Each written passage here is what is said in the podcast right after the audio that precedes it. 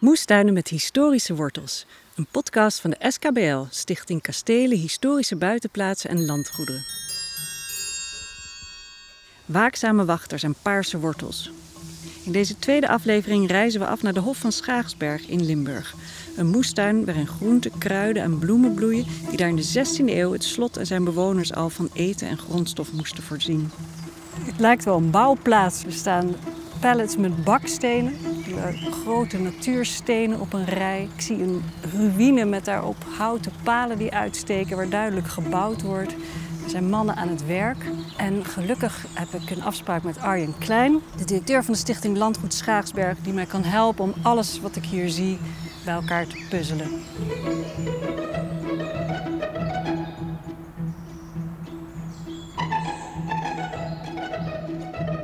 De Hof, de moestuin, want daar zijn we natuurlijk heel geïnteresseerd in. Vanaf wanneer is hier altijd een moestuin geweest vroeger? We vermoeden dat uh, eigenlijk vanaf het moment dat het kasteel uh, in, de, in de 16e eeuw is gebouwd, dat er toen ook een grote tuin is geweest. Want we weten uit foto's en tekeningen dat uh, naar een, een, klein eilandje, waar we nu eindelijk op zitten, daar was een aparte toegangspoort voor gebouwd. En dat was een solitaire poort. Die was dus geen onderdeel van een, van een bouwwerk. Ja, je bouwt natuurlijk niet een prachtige renaissance poort voor een aardappelveldje. Dus het vermoeden is dat daar toch een substantiële tuin moet hebben gelegen. Waar men zo trots op was dat men dus ook een monumentale poort in de 16e eeuw daarvoor heeft gebouwd, een toegangspoort. En uh, wij hebben daar helaas geen uh, tekeningen van of beschrijvingen. Ook archeologie, we hebben proefsleuven gegraven, eigenlijk helemaal niets teruggevonden, helaas. Uh, dus we hebben een, samen met Jacques Nijskens van de Historische Groentehof in Bezel, in Noord-Limburg, hebben we gevraagd om een ontwerp voor ons te maken op basis van historische informatie.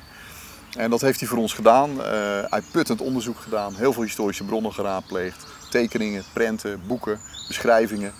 En op basis daarvan is ons Hof van Schaarsberg ontworpen, ongeveer 1000 vierkante meter, met 12 hoven met allemaal een eigen thema. He, bijvoorbeeld een etten- en bonenhof, een groentehof, een tulkenshof, maar ook bijvoorbeeld een bloemenhof en een kruidenhof. En ja, onze vrijwillige hoveniers uh, zijn inmiddels nu in het vijfde seizoen van onze tuin. En ja, hij wordt steeds mooier, hij wordt steeds volwassener. Want we zitten hier op een klein eilandje. Dus um, we hebben een slotgracht, maar daarin zijn verschillende onderdelen. Dus één groot hof waar je binnenkomt. Was dat vroeger de voorhof? Of, um, en dan hebben we een middenhof waarop de ruïne staat. En, en nu hebben we een stel ganzen dat heel veel lawaai gaat maken. Goeie, dit, is jullie, uh, dit is jullie nieuwe wachters. Dus, uh, ja, de Romeinen hadden al ganzen om hun uh, stadsmuren te beschermen. Dus jongen, jongen. Zal ik ze even manen om te verdwijnen?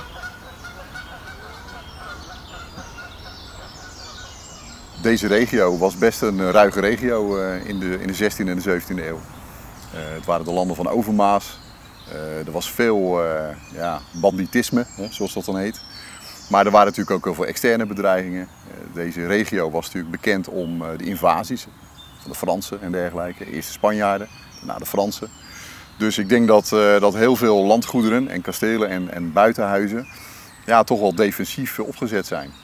Dus dit had echt nog een verdedigingsfunctie, dus echt in de oude betekenis van kasteel. Hè? Ja. een verdedigingswerk waar mensen zich terugtrokken, maar ook het hele jaar door woonden. De heren en vrouwen van Schaagsberg woonden hier. En wat moet ik me daarmee voorstellen in de hoogtijdagen? Hoeveel mensen woonden hier dan? Nou, het was een hele gemeenschap. Want je had natuurlijk niet alleen de familie, uh, met, met alles wat daar aan hing, om maar zo te zeggen. Aangetrouwd, met name. Maar je had natuurlijk ook gewoon een hele hofhouding bijna. Van, van mensen die meehielpen om natuurlijk de hele heerlijkheid te runnen. Want het was, het was niet alleen een kasteel uh, en woonhuis en een boerderij, dat was de hoeve. Het was natuurlijk ook een heel landgoed wat er omheen lag. Met heel veel bezittingen. Complete dorpjes waren eigenlijk onderdeel van die bezittingen. En dat noemden ze dus de Heerlijkheid Schaasberg. En dat waren dus honderden en honderden mensen die daar actief in waren. Als boer, als, als ambachtspersoon. Dus heel veel verschillende mensen waren daarbij betrokken. En dat had je natuurlijk door heel Zuid-Limburg had je, had je die situatie. Het was uh, toch wel een beetje hiërarchisch. Uh, anders dan natuurlijk in de Republiek der Nederlanden. Waar op dat moment Limburg in die periode nou niet bepaald bij hoorde.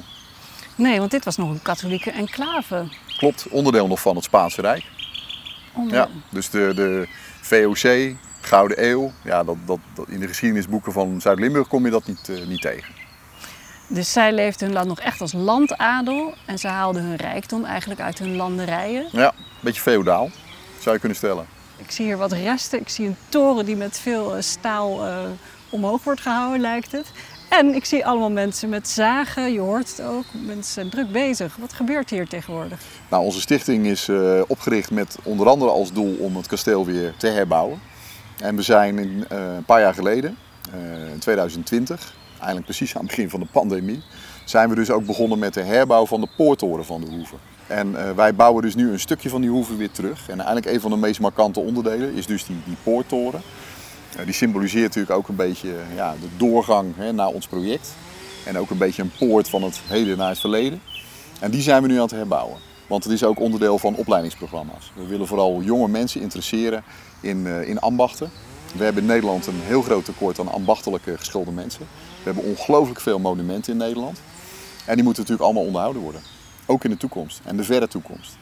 Dus dat betekent dat iedere generatie uh, de beschikking moet hebben over een groepje mensen die kennis en kunde heeft van, uh, van het restaureren en onderhouden van monumenten. Want anders loopt het met de monumenten net zo af als met kasteel Schaarsberg.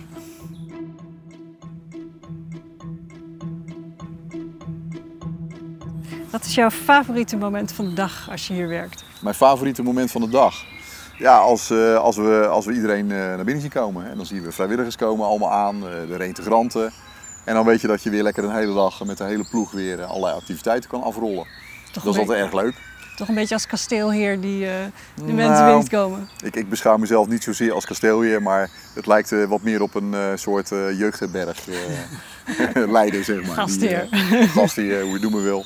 Ja. die, die altijd blij is om dan weer mensen te verwelkomen. En dat we dan met z'n allen weer ja, elke, elke dag weer opnieuw dat, dat hele project een, paar millimeter opschuiven naar voren, zeg maar.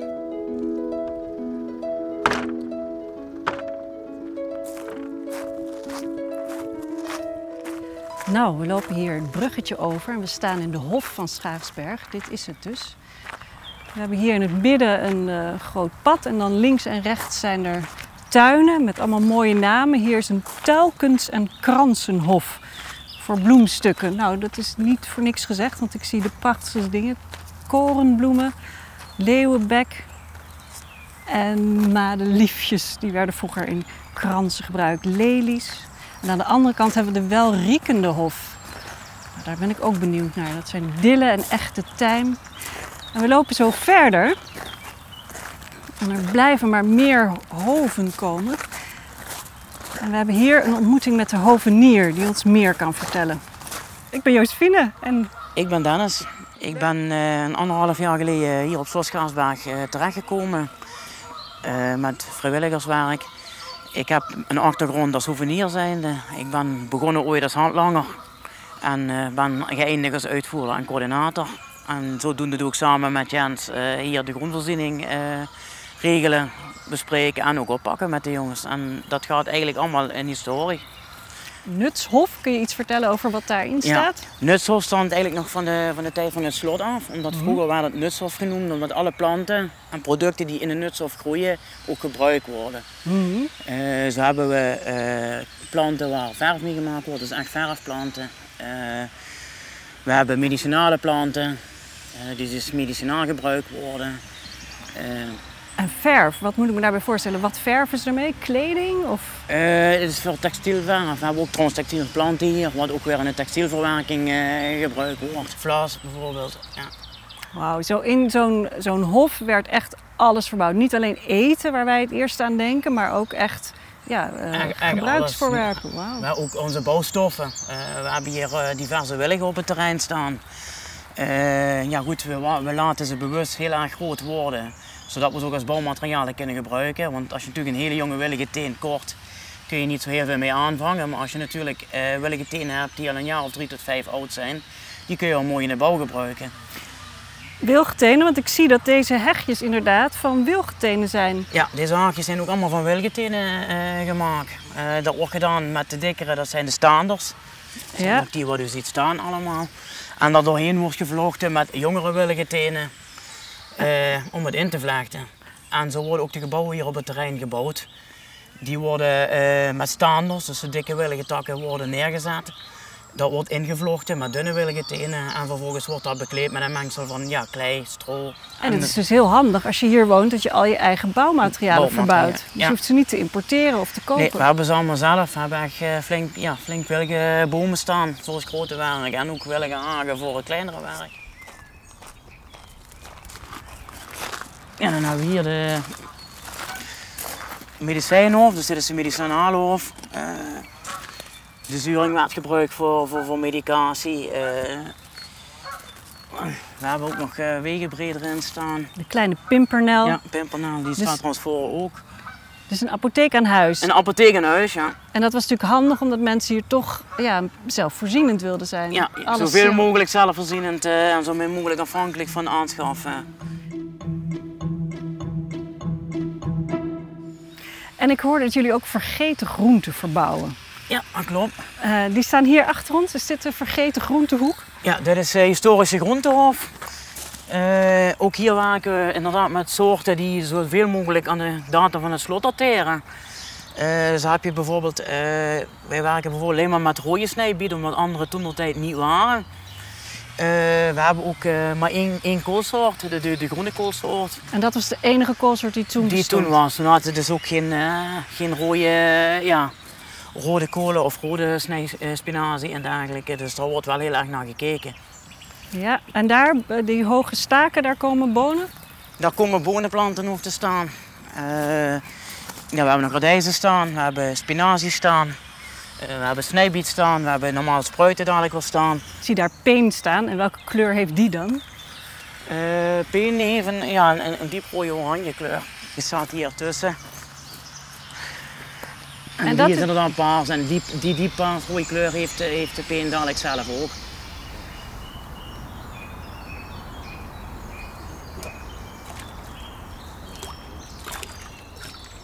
En hoe weten jullie wat hier vroeger groeide? Zijn er Eh, overleveringen van? Ja, dat is eh, ja, Jacques Hermans. Die heeft voor ons het onderzoek gedaan en heeft dat ook op papier gezet. En vanuit zijn visie zijn wij eigenlijk dit gaan opzetten. We hebben een aantal appelsoorten uit eh, die eh, eeuw gedateerd. We hebben een aantal perensoorten staan uit die eeuw gedateerd. Eh, we hebben moerbei staan. Een moerbei, dat klinkt inderdaad heel erg van vroeger. Wordt, wordt dat nu nog veel eh, geplant? Het wordt niet meer veel. Het is jammer, want ik vind het zelf een hele mooie, een hele mooie boom en struik. Ik weet wel dat er eh in Texel, dat is een, een, een koffiezaak, en die hebben, het, ja, die hebben de tuin toevallig achter ze het terras hebben ook nog een moer bij staan, maar ook nooit wat aan gedaan. Dus die groeit heel grillig over het terrein heen. Dat is eigenlijk een van de grootste moerbijen die hier in Nederland staan. Heel grillig. Ja, ik vind het gewoon een hele mooie boom. En dit lijfruit wordt allemaal langs het hek geleid. Dus ik zie al de bomen keurig door het hek gevlochten zijn. Dat is zoals dat vroeger gedaan werd. gedaan werd, ja. En Ze wat zijn, was... eh, Ja. Ze zijn, ja goed, de bindbuis zoals we nou doen is natuurlijk niet meer aan die eeuw gedateerd. Ja. Vroeger werd natuurlijk met juten en dat soort dingen gedaan. Tegenwoordig wordt dat met bindbuis gedaan. En het belangrijkste zijn dat de, dat de leggers mooi eh, zitten. En dan de uitlopers die je ziet, zeg maar, die zijn, dat is eh, het zomerlot, dat begint zich nu te ontwikkelen. Dadelijk in de zomer, dan wordt dat eraf gehaald. En dan krijgt het fruit weer meer licht en een voeding en dan kan het zich verder ontwikkelen. En tot die tijd beschermt het tegen de zon voor het verbranden en ook een beetje tegen het water voor het rottingsproces. Ja, Limburg is natuurlijk de ideale plek. Limburg is eh, ja, lustgrond, kleigrond, houdt heel veel vocht vast en dat is wat een fruitboom graag heeft.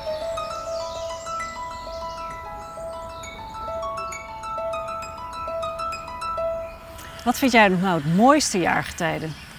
Eh, ik eigenlijk het voorjaar.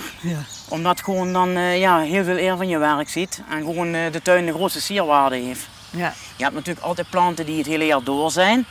Dus ieder jaar tijd heb je wel iets van sierwaarde, maar in het voorjaar komt eigenlijk de meeste sierwaarde naar boven. En dit Eh. tuinhuis is historisch, zo met planken. En... Eh, het, het is echt het hout. eh, ja goed, het is eikenhout. Dus dat, dat is al een ding. Eh, de dakpannen hebben we ook heel lang voor gezocht. Dat is allemaal lei en ook meer dan de dakpannen wat in die eeuw waren. Eh, de spijkers zijn in de smederij gemaakt geworden. Wauw, ja, want ik hoor dat jullie een smederij ook hier op het terrein hebben. Die is ook hier op het terrein. Ja. Dus het is echt allemaal zoals het toen gemaakt met eikenhouten planken, zelf gesmeden De spijkers. ja. Eh, En- Ook het hang- en sluitwerk eh, is, is gesmeden. En dat ik eh, ja, als handlanger ben begonnen. Ja. En als uitvoerder uh, geëindigd ben. Dus ja, je had ook alle klantcontacten. Uh, en wat is een handlanger? Ja, een, een, een handlanger is echt, ja, dat is eigenlijk helemaal onderhand. Die, die doet echt assistentiewerkzaamheden, zoals echt het kruiwerk, het sleepwerk, het opruimwerk. En dan krijg je de hoevenier. Dat is dan meer de vakbekwam die dan zelfstandig uh, vakbekwame werkzaamheden kan doen, zoals straatwerk, bouwkundige elementen, aanplant, grondwerk, snoeiwerk, zaagwerk. En een uitvoerder is eigenlijk de coördinator om het geheel. Die doet de jongens controleren, die doet werk voorbereiden, die zet de jongens aan, uh, heeft de klantcontacten, uh, maakt ontwerpen, maakt bestekken, calculatie. Nou, volgens mij is hier een goede uitvoerder aan het werk. we staan hier ondertussen in het schuurtje. En ik heb nog nooit zo'n netjes schuurtje gezien. Met alle harken en scheppen op een rij. Ja. En de gieters zelfs in het gelid. En hier zie ik dus een ja. uh, bestektekening van de tuin. Komkommer, stokslabonen, snijmieten en rijstdopert. En hier groeit een heilig boontje. Bestaat dat echt, een heilig boontje? Ja, bij de mensen denk ik niet, maar in, uh, in, in, de planten bestaat het wel. en hoe zien heilige boontjes eruit? Heten die vroeger ook al heilige boontjes? Uh, het heilige boontje heeft een naam te danken aan een afbeelding die lijkt op een engel of een monstrant. En dat is eigenlijk de reden waarom dit, bo dit boontje het naam heilig boontje gekregen heeft.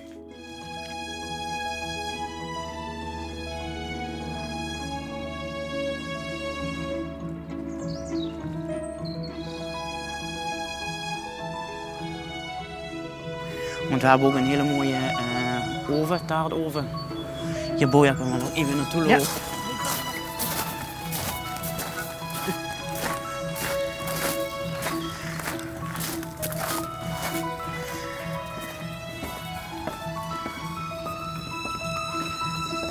Is ook een planton liggen waar we ook onderhoud uh, vanuit, uh, vanuit de boot langs de oevers kunnen doen. Dus nu lopen we over de brug. Naar een ander deel van het terrein. Ja. En daar zien we een soort Hans en Grietje huisje staan. Ja, dat klopt. En dat is eigenlijk onze bakoven. Hier worden nog uh, ja, ouderwetse taarten en vlazen gebakken. En het huisje heeft ook weer een prachtig pannendakje. Ja, het is uh, inderdaad weer met, met een bepaalde dakpansoort uh, gemaakt. Ook van dezelfde stenen. We proberen ook zo historisch mogelijke stenen en materialen te gebruiken. En dan staat daaronder, uh, zie ik het hout naar binnen geschoven worden. Ja, als normaal als die gebruikt wordt, wordt hier het vuur in opgestoken. En als het dan binnenin uh, warm genoeg is, dan wordt het vlaaien erin geschoven. En dus hier bakken jullie de vlaaien met uh, fruit uit, uit, de eigen tuin. Uit de eigen tuin. Ja. hoe ziet de gewone werkdag van jou eruit? Hoe begin je hier s ochtends de dag in deze tuin? Nou, we maken wekelijks een planning van de werkzaamheden die gebeuren moeten. Uh, daaropin worden de vrijwilligers verdeeld. En ik zorg samen met mijn collega-coördinator dat wij samen met de jongens dat oppakken. Bijvoorbeeld als er een haken gescoord of gesnoeid moet worden, dan pak ik dat samen met de jongens op. En de jongens, dat zijn de vrijwilligers. En hoeveel mensen werken in deze tuin? Uh, in deze tuin hebben we een team uh, van ongeveer acht man. Met acht mensen houden jullie deze tuin deze, zo ja, mooi als die tuin, nu is? Het kan wow. altijd meer, maar ja goed, we hebben momenteel niet meer vrijwilligers en mensen voor in de tuin. Dus we zijn nu met acht man. En wat is nou het werkje waarvan je denkt, nou, dat had ik wel over willen slaan, waar je niet zo van houdt in de tuin? Ja, ik moet heel eerlijk bekennen, ik ben op dat gebied een, ja, een echte, echte en ik zit al 16, 17 jaar in het groen. En ik heb eigenlijk weinig werkzaamheden die ik niet leuk vind om te doen. Dus... Ik geloof dat het tijd is dat wij uh, fly gaan eten. en ik bedank jou heel erg voor dit gesprek. Dankjewel, Dennis.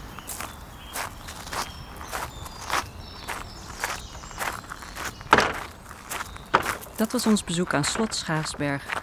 Een voorbeeld van de tijd dat wonen en werken nog één geheel waren. Het bezoeken van de tuin kan het hele jaar door en op de website van de SKBL en Slot Schaarsberg met AE vind je alle informatie over het ambachtdorp, demonstraties en themadagen. Je kunt hier de smederij en de historische kinderboerderij bezoeken. Voor onze volgende podcast gaan we naar het Muiderslot. Een dichter die een kasteel gaat bewonen. De eerste niet-adellijke eigenaar in de geschiedenis van het slot. Nieuwe beheerders, nieuwe ideeën. In deze aflevering gaan we praten over pruimen, bleekpotten en dichters.